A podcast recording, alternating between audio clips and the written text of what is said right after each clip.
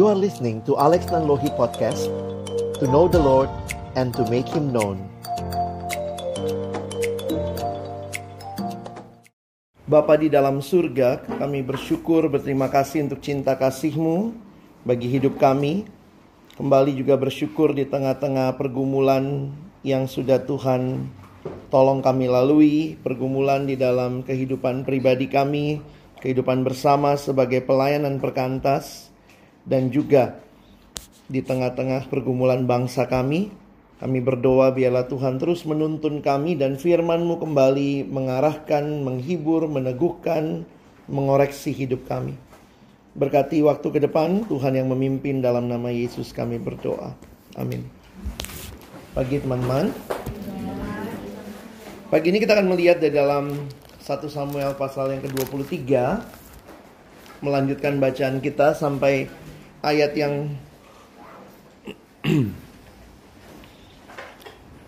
ayat 1 sampai ayat yang ke-14. Evin motongnya mengikuti ESV. Jadi ESV sampai ayat 14. Di dalam Alkitab kita itu satu perikop cuma sampai ayat 13. Jadi kita sampai ayat 14 ya. Mari kita baca bergiliran. Dari saya ke Ray di 1 Samuel 23 ayat 1 sampai 14. Daud di Kehila. Diberitahukanlah kepada Daud begini, ketahuilah orang Filistin berperang melawan kota Kehila dan menjarah tempat-tempat pengirikan. Lalu bertanyalah Daud kepada Tuhan, apakah aku akan pergi mengalahkan orang Filistin itu? Jawab Tuhan kepada Daud, pergilah, kalahkanlah orang Filistin itu dan selamatkanlah Kehila. Tetapi orang-orang Daud berkata kepadanya, Ingatlah, sedangkan di sini di Yehuda kita sudah dalam ketakutan. Apalagi kalau kita pergi ke Kehila melawan barisan perang orang Filistin.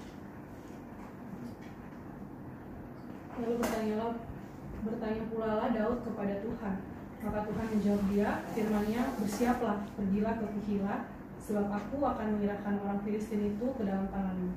Kemudian pergilah Daud dengan orang-orangnya ke dan berperang melawan orang Filistin itu di dalamnya rumah mereka dan ditimbulkannya kekalahan besar di antara mereka. Demikianlah Daud menyelamatkan penduduk Kehila. Kita biasa bertanya dalam kepada Daud turun dan membawa. Kepada Saul diberitahukan bahwa Daud telah masuk ke Kehila. Lalu berkatalah Saul, Allah telah menyerahkan dia ke dalam tanganku, sebab dengan masuk ke dalam kota yang berpintu dan, ber- dan berpalang, dia telah mengurung dirinya. Maka Saul memanggil seluruh rakyat pergi berperang ke Kehila dan mengepung Daud dengan orang-orangnya. Ketika diketahui Daud bahwa Saul berniat jahat terhadap dia, berkatalah ia kepada Imam Abdullah, bawalah efod itu kemari.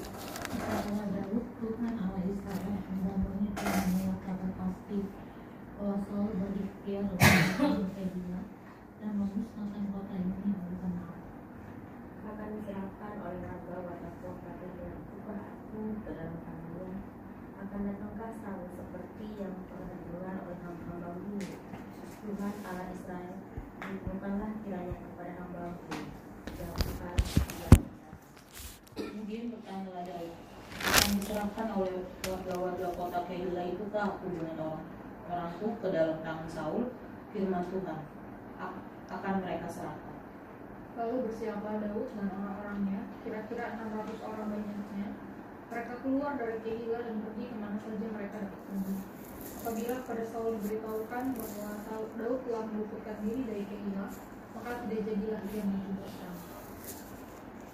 maka Daud tinggal di padang gurun di tempat-tempat perlindungan ia tinggal di gunungan di padang gunung Zif dan selama waktu itu Saul mencari dia tetapi Allah tidak menyerahkan dia di dalam tangannya Iya.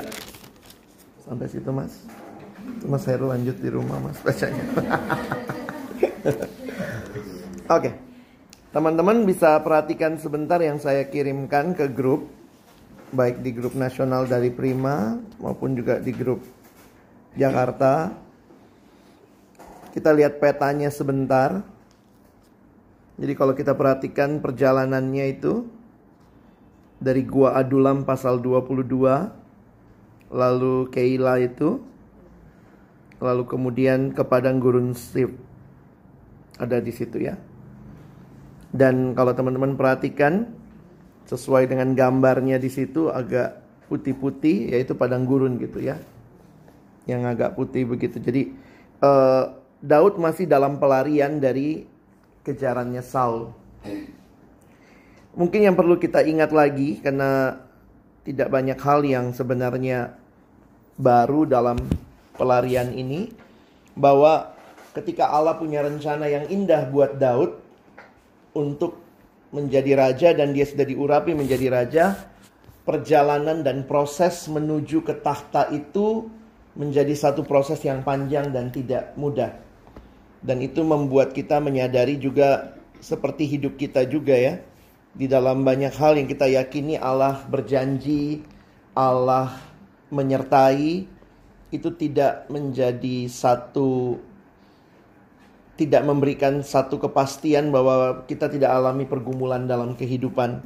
Nah, itu yang kita bisa lihat dalam apa yang Daud alami. Apa yang menarik dalam pelarian Daud ke Kehila dalam kaitan ini? Kalau teman-teman perhatikan seluruh pasal 23, kita akan bisa melihat sebenarnya bagaimana Tuhan menolong Daud melalui dua hal. Yang pertama melalui tuntunan firman, itu yang saya bahas hari ini. Dan nanti minggu depan mungkin teman-teman akan bisa melihat bagaimana Tuhan menolong Daud melalui orang-orang yang ada di sekitarnya.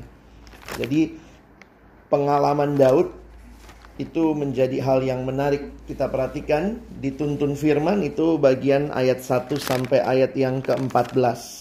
Mari kita coba lihat sebentar bagian demi bagian mulai dari ayat 1 ya. Diberitahukanlah kepada Daud begini, ketahuilah orang Filistin berperang melawan kota Kehila dan menjarah tempat-tempat pengirikan.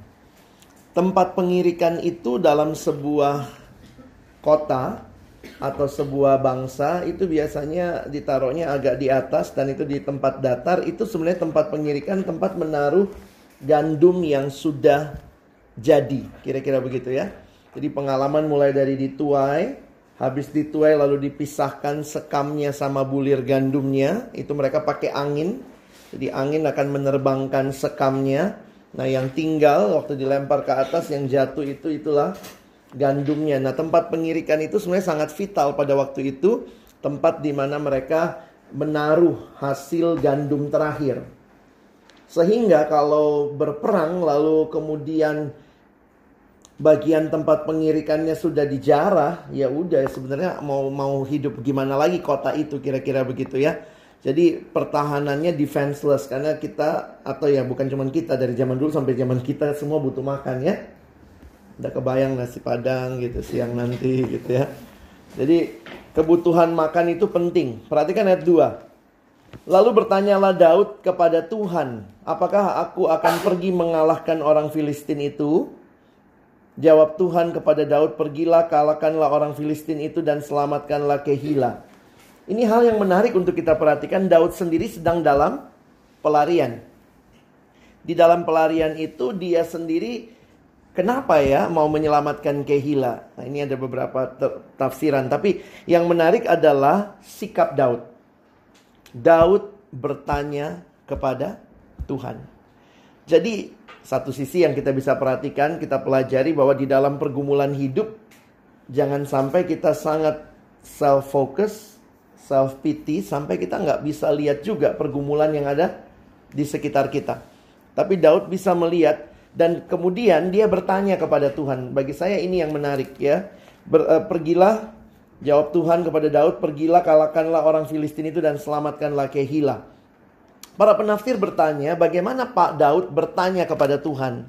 Karena kalau lihat urutan ceritanya belum ada Imam Abiatar yang datang nanti di ayat 6. Memang kedatangan Imam Abiatar ini agak sedikit membingungkan karena di pasal 22 kemarin pun dia sudah datang juga gitu ya.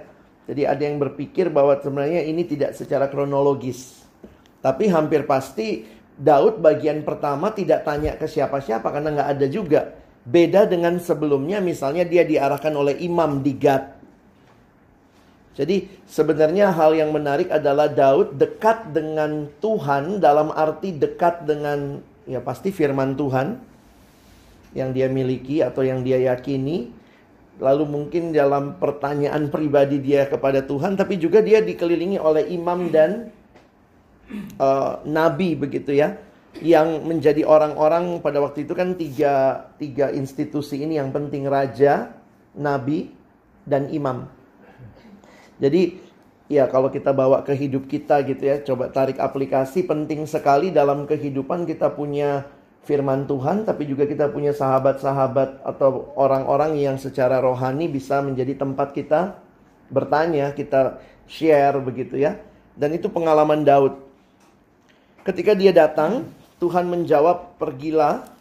Dan perhatikan di dalam ayat ini, musuh yang sesungguhnya itu kan lagi si Saul. Tapi ini yang disuruh kalahkan ya Filistinnya dulu begitu ya. Nah, ayat 3 ini respon yang sangat logis kalau kita perhatikan.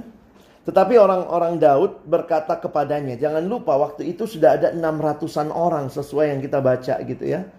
600 orang ini jangan lupa ada keluarganya Daud, ada preman-preman pasar yang ikut yang mungkin karena kesulitan hidup di zamannya Saul mereka ikut kelompoknya Daud gitu ya. Nah, teman-teman bisa perhatikan di bagian ini dikatakan mereka bilang ingatlah. Jadi kayak ngingetin Daud ya ampun gitu ya, inget aja lah ya. Sedangkan di sini di Yehuda kita sudah dalam ketakutan. Apalagi kalau kita pergi ke Kehila melawan barisan perang orang Filistin. Jadi memang nggak gampang ya mengerti tindakan seorang Daud di tengah-tengah situasi yang kayak kalau kita bicara, logis gitu ya. Ya ampun musuhnya yang ini malah nolong perang yang sana kira-kira begitu ya. Tetapi yang penting yang bagi saya menarik adalah Daud meyakini dia dipimpin Tuhan. Tetapi dia mendengar masukan. Nah masukan itu yang juga kita perhatikan ayat 4 lalu bertanya pula lah Daud kepada Tuhan. Jadi Daud tidak mau cuma sekedar dia dengar, dia tidak dengar orang-orang yang mengikuti dia. Tapi waktu orang-orang itu kasih masukan, balik lagi Daud tidak hanya butuh pertimbangan manusia. Di sini dikatakan, maka Tuhan menjawab dia, Oh ya, kepada Tuhan maka Tuhan menjawab dia, bersiaplah pergi ke Kehila sebab aku akan menyerahkan orang Filistin itu ke dalam tanganmu. Penting sekali kita jadi pemimpin yang bukan mendengar apa yang dikatakan orang saja. Perlulah dengar apa yang dikatakan orang. Tapi jauh lebih perlu lagi mendengar apa yang Tuhan sampaikan. Dan mungkin juga Tuhan bisa sampaikan itu lewat orang. Tapi pergumulan seorang pemimpin dengan Tuhan akan menjadi pergumulan yang menolong dia memutuskan apa yang terbaik. Nah, sehingga ayat 5 saya melihat kayak tidak ada perlawanan entah bagaimana lah prosesnya intinya Daud bisa meyakinkan mereka untuk maju. Kemudian pergilah Daud dengan orang-orangnya ke Kehila, ia berperang melawan orang Filistin itu dihalaunya ternak mereka dan ditimbulkannya kekalahan besar di antara mereka. Demikianlah Daud menyelamatkan penduduk Kehila. Jadi menarik sekali sampai di sini kita melihat Daud tidak dipimpin oleh sekedar rasa heroisme yang tinggi. Daud bukan, aduh udah lama nih nggak perang nih, nggak perang ah gitu ya. Kayak kurang kerjaan gitu ya, nggak lagi kayak main game gitu, apalagi yang mau dikalahkan gitu ya. Tapi dia betul-betul meyakini pimpinan Tuhan, matanya melihat pergumulan orang dan dipimpin Tuhan untuk maju. Ayat 6 ketika Abiatar bin Ahimelek melarikan diri kepada Daud ke Kehila. Jadi ini banyak yang nanya, loh kok sebelumnya juga dia kan sudah ada tuh ya. Karena yang lainnya dibunuh semua nih. Ia turun dengan membawa efod di tangannya. Kenapa penting tentang efod? Teman-teman bisa lihat sedikit gambarnya ya. Jadi sebenarnya kalau bicara baju efod nanti bisa lihat. Baju efod itu sebenarnya yang paling dalam. Baju ininya ya. Uh, tapi ini juga sebenarnya dalam kalau Craig Kinner bilang effort itu ada tiga, ada tiga penjelasan di Alkitab. Tapi yang paling jelas itu sebenarnya gini aja, yang luarnya aja deh. Yang luarnya itu itu yang baju effort yang sleeveless, yang kayak kutak, yang ini ya, terus dikancing doang, kancing emas gitu ya. Jadi itu, nah kalau teman-teman lihat uh, replikanya, di tengah-tengahnya itu ada 12 batu yang melambangkan 12 suku Israel. Jadi batunya begitu. Nah imam itu begitu tuh. Garmentnya kalau kita lihat ya ini uh, baju lengkapnya. Mulai dari topinya semua tuh diatur dalam firman Tuhan. Jadi Tuhan juga peduli fashion ya. Maksudnya sesimpel itu apa sedetail itu Tuhan peduli termasuk dengan bagaimana dan ternyata ya katanya uh, warna bajunya pun senada dan seirama dengan warna tirai bait Allah. Saya lupa itu warnanya apa. Jadi Tuhan juga tidak tabrakan warna gitu ya. Ternyata keselarasan itu memang udah ada dari sononya gitu ya. Jangan atasnya garis-garis, bawahnya polkadot gitu ya. Kayaknya nggak nggak logis gitu ya. Nah, kalau teman-teman perhatikan, lalu kemudian ada tempatnya Urim Tumim. Jadi beberapa penafsir mengatakan kemungkinan waktu dikatakan baju efodnya juga ada karena mereka lari, maka sebenarnya Urim Tumim itulah cara orang Israel pada waktu itu mengetahui kehendak Tuhan. Yang mana ya, yang mana tidak. Nanti pelajarilah soal Urim Tumim. Nah ini masalah tempatnya Urim Tumim di mana juga macam-macam gitu. Pokoknya karena ada yang bilang ini kan breastplate-nya. Jadi sebenarnya yang yang yang kainnya itu tuh yang paling dalam. Lalu di atasnya dipakein itu. Dipakein yang uh, tutup dada namanya. Uh, rompinya gitu ya. Tapi sebenarnya yang uh, yang effortnya itu yang bawahnya. Tapi uh, jadi effortnya itu di, di di atas effort itu ditaruh mungkin furingnya kali ya gitu ya. jadi di atas effortnya itulah ditaruh uh, tutup dada. Nah tutup dada itu ada 12 batu Lalu kemudian ada tempat menyimpan urim tumim. Ada penafsir yang bilang Kayaknya ada kotak kecil dua gitu ya Tempat menyimpan urim dan tumim di kanan dan di kiri. Nah baju efod ada Ini juga membuat kita jadi melihat bagaimana Daud juga terus mencari pimpinan Tuhan. Perhatikan ya tujuh. Nah ya, nanti kalau mau pelajari lebih jauh silahkan. Atau mau bikin baju buat Natal atau Paskah nanti. Ini baju Allah loh.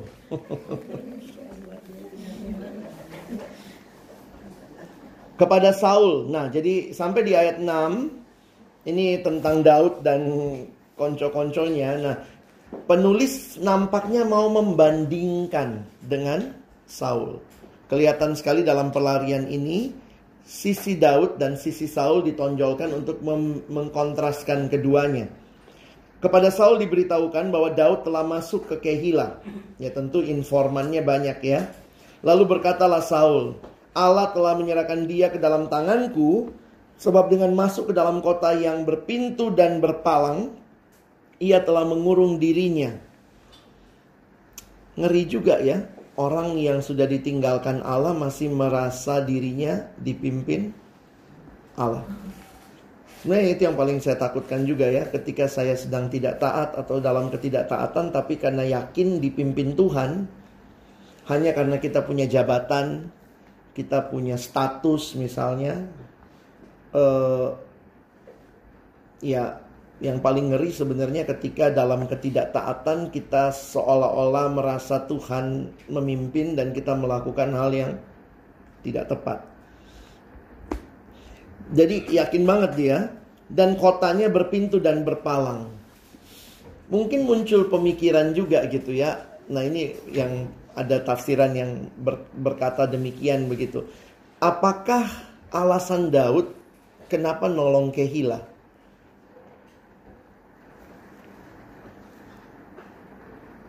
Lihat dulu ayat 8. Maka Saul memanggil seluruh rakyat pergi berperang ke Kehila. Ini lebih gila lagi. Daud 600-an orang, dia seluruh rakyat. Dan mengepung Daud dengan orang-orangnya, tapi nampaknya belum nyampe. Ayat 9, ketika diketahui Daud bahwa Saul berniat jahat terhadap dia, berkatalah ia kepada Imam Abiatar, karena udah ada efod ya. Bawalah efod itu kemari. Berkatalah Daud, Tuhan Allah Israel hambamu ini telah mendengar kabar pasti Ya, jadi ini informannya terpercaya. Bukan yang bisik-bisik sama bapak nggak bisa dipercaya ya. bahwa Saul berikhtiar untuk datang ke Kehila dan memusnahkan kota ini deng oleh karena aku. Nah, ayat 11. Pertanyaan ini bagi saya luar biasa ya. Akan diserahkan oleh warga-warga kota Kehila itukah aku ke dalam tangannya? Akan datangkah Saul seperti yang telah didengar oleh hambamu ini? Jadi dia bilang udah pasti beritanya, tapi nanya lagi sama Tuhan ya. Udah pasti banget nih, katanya pasti datang. Tapi dia nanya sama Tuhan, akan datangkah Saul? Tuhan Allah Israel beritahukanlah kiranya kepada hambamu ini. Jawab Tuhan, nah Tuhan bilang dulu ya, ia akan datang. Jadi Tuhan memastikan. Kemudian bertanyalah Daud, akan diserahkan kah akan diserahkan oleh warga-warga kota Kehila itu kah aku dengan orang-orangku ke dalam tangan Saul? Firman Tuhan akan mereka serahkan. Ini kan gila banget ya, baru diselamatin. Sehingga saya agak setuju tuh dengan penafsiran. Mungkin Daud ke situ karena kotanya kuat, berharap dia dapat perlindungan di Kehila. Tapi ternyata waktu dia tanya sama Tuhan, kayak Tuhan mau izinkan dia melihat. Tuh kan, kamu berusaha mengandalkan manusia. Persis seperti yang kau lakukan lari ke Akis. Tapi manusia yang kamu selamatin ini akan nyerahin kamu. Ditusuk sama orang dekat kira-kira gitu ya. Sehingga ini sekali lagi menolong Daud untuk melihat tidak bisa hidup mengandalkan manusia. Saya lebih nerima tafsiran itu. Ayat 13. Lalu bersiaplah Daud dan orang-orangnya kira-kira 600 orang banyaknya. Jadi sebenarnya waktu dikasih tahu jumlahnya bagi kita juga nggak gampang ya cari perlindungan 600 orang. Mereka keluar dari Kehila dan pergi ke mana saja mereka dapat pergi. Ini udah kayak orang yang penting keluar deh gitu ya. Ke mana pergi? Ke mana saja? Apa, apabila kepada Saul diberitahukan bahwa Daud telah luput dari Kehila, maka ia maka tidak jadilah ia maju berperang. Ngapain perang kalau nggak ada gitu ya? Mungkin orang Kehila juga takut karena tahu Daud, apa sih Saul tuh gila ya, imam aja dimatiin semua begitu untuk Abiatar bisa lolos sehingga mungkin mereka tahu begitu ya. Oke Daud, kami kamu selamatkan tapi sorry nih, kita nggak sanggup juga mengorbankan satu kota untuk kamu. Ayat 14, ini kesimpulan maka Daud tinggal di padang gurun, di tempat-tempat perlindungan. Jadi ada ada yang menuliskan ini caves, ya gua-gua perlindungan. Ia tinggal di pegunungan di padang gurun Sif. Nanti teman-teman udah lihat di situ ya. Jadi sebenarnya tinggal di padang gurun itu secara secara makan minum tuh pasti susah. Makanya si Saul mungkin kalau di padang gurun juga nggak nggak ngejar-ngejar amat gitu ya. Makanya dia pikir banget, wah Daud pas ada di kota Kehila, itu kota yang pintu gerbangnya begitu, wah ini kesempatan. Nah, kalimat yang menarik adalah kesimpulan ilahi di sini ya. Dan selama waktu itu Saul mencari dia. Tetapi Allah tidak menyerahkan dia ke dalam tangannya. Maksudnya tidak menyerahkan Daud ke dalam tangan Saul teman-teman di balik Daud yang lari segala macam tuh ternyata semua itu adalah perlindungan Tuhan yang sempurna buat Daud. Jadi memang apa ya? Kayak kata sebuah lagu gitu ya, dia latihku berperang. Jadi kadang-kadang kalau lihat pergumulan hidup kita yang mungkin naik dan turun dalam iman itu cara Tuhan melatih kita untuk bisa lebih tangguh menguatkan otot-otot rohani kita. Ada hal yang menarik di ayat 13. Seorang penafsir yang saya pakai bukunya mengatakan di dalam ayat 13 ini ada kalimat Daud telah meluputkan diri. Sebenarnya bahasa lainnya dipakai istilah Daud David had escaped. Dan ini muncul sampai lima kali. Sejauh kita membaca dari pasal yang ke-19 ayat 10, pasal 19 ayat 12, ayat 18, pasal 22 ayat 1, dan di sini pasal 23 ayat 13. Jadi um, dia mengatakan begini, the repetition highlights a theme. Jadi pengulangan-pengulangan ini sebenarnya memberikan kita sebuah tema even though he faces, even though David faces almost constant danger, David always escapes. Setiap kali dia ini jadi apa ya? Terus menerus ya. Constant danger tapi terus menerus dia diselamatkan. Dan divine providence is clearly on David's side, not Saul. Jadi sebenarnya teman-teman ini kan berguna untuk yang baca surat atau kitab ini. Jadi waktu dia baca kitab ini, wah kalau kita belum tahu cerita akhirnya, wih lolos lagi coy, uh, jagoan gua nih, lolos lagi, lolos lagi. Tapi kembali diingatkan bahwa memang itulah yang terjadi. Ada seorang bernama Saul yang yakin dipimpin Tuhan, tapi Tuhan sudah meninggalkan. Dan sekarang Tuhan memimpin Daud. Dan ketika Daud mengalami constant dangers, dia luput, Tuhan yang sama meluputkan dia. Dia coba recall begitu ya. Whether he is the target of a spear, ya bayangannya waktu yang jarak dekat juga gitu ya, ditombak gitu ya. Waktu kita ingat cerita sebelumnya, Daud bisa ngeles ya gitu ya. Terus kemudian waktu dia di rumahnya sendiri yang diselamatkan sama Milka ya. Jadi itu constant danger. Terus dapat mercy dari Akis di kota Gad. Dan masuk kota Kehila yang sudah terkepung seolah-olah sudah sudah jadi target sasaran. Selalu di Nah, ini kalimat yang menarik ya. Ini kalimat but divine providence open opens a door of escape. Jadi situasi-situasi yang secara manusiawi itu udah jarak dekat aja masa kayak lolos begitu ya padahal kita tahu juga pasti si Saul kan juga jago perang begitu ya. Di rumah sendiri pernah terkepung, pernah terkepung di mana gitu ya. Kadang-kadang mikir kok kayak koruptor lari ya ke sini lolos, ke sini lolos, cuman pada akhirnya KPK menangkap. Divine providence opens a door of escapes. Saya pikir ini jadi keyakinan kita juga bahwa pergumulan hidup selalu ada, tetapi yakinilah bahwa divine providence opens a door of escape. Mungkin kita nggak sedang lari gimana-gimana ya, mungkin opens a door of solution, open doors of um, apa ya comfort buat kita. Jadi melalui apa yang kita baca hari ini saya melihat kembali lagi bahwa Daud adalah seorang yang dipimpin Tuhan, dia bertanya kepada Tuhan, terus-menerus bergantung kepada Tuhan. Dan terlihat jelas bahkan ketika dia sudah dengar masukan dia tanya lagi sama Tuhan ketika ada uh, imam ya Abiatar dia tanya lagi dan itu memberikan kita satu satu sikap hati lah.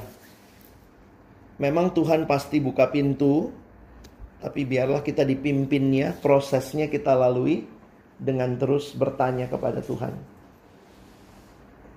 Itu yang bisa saya bagikan pagi ini. Silakan kalau ada yang mau bertanya atau menambahkan. Silakan.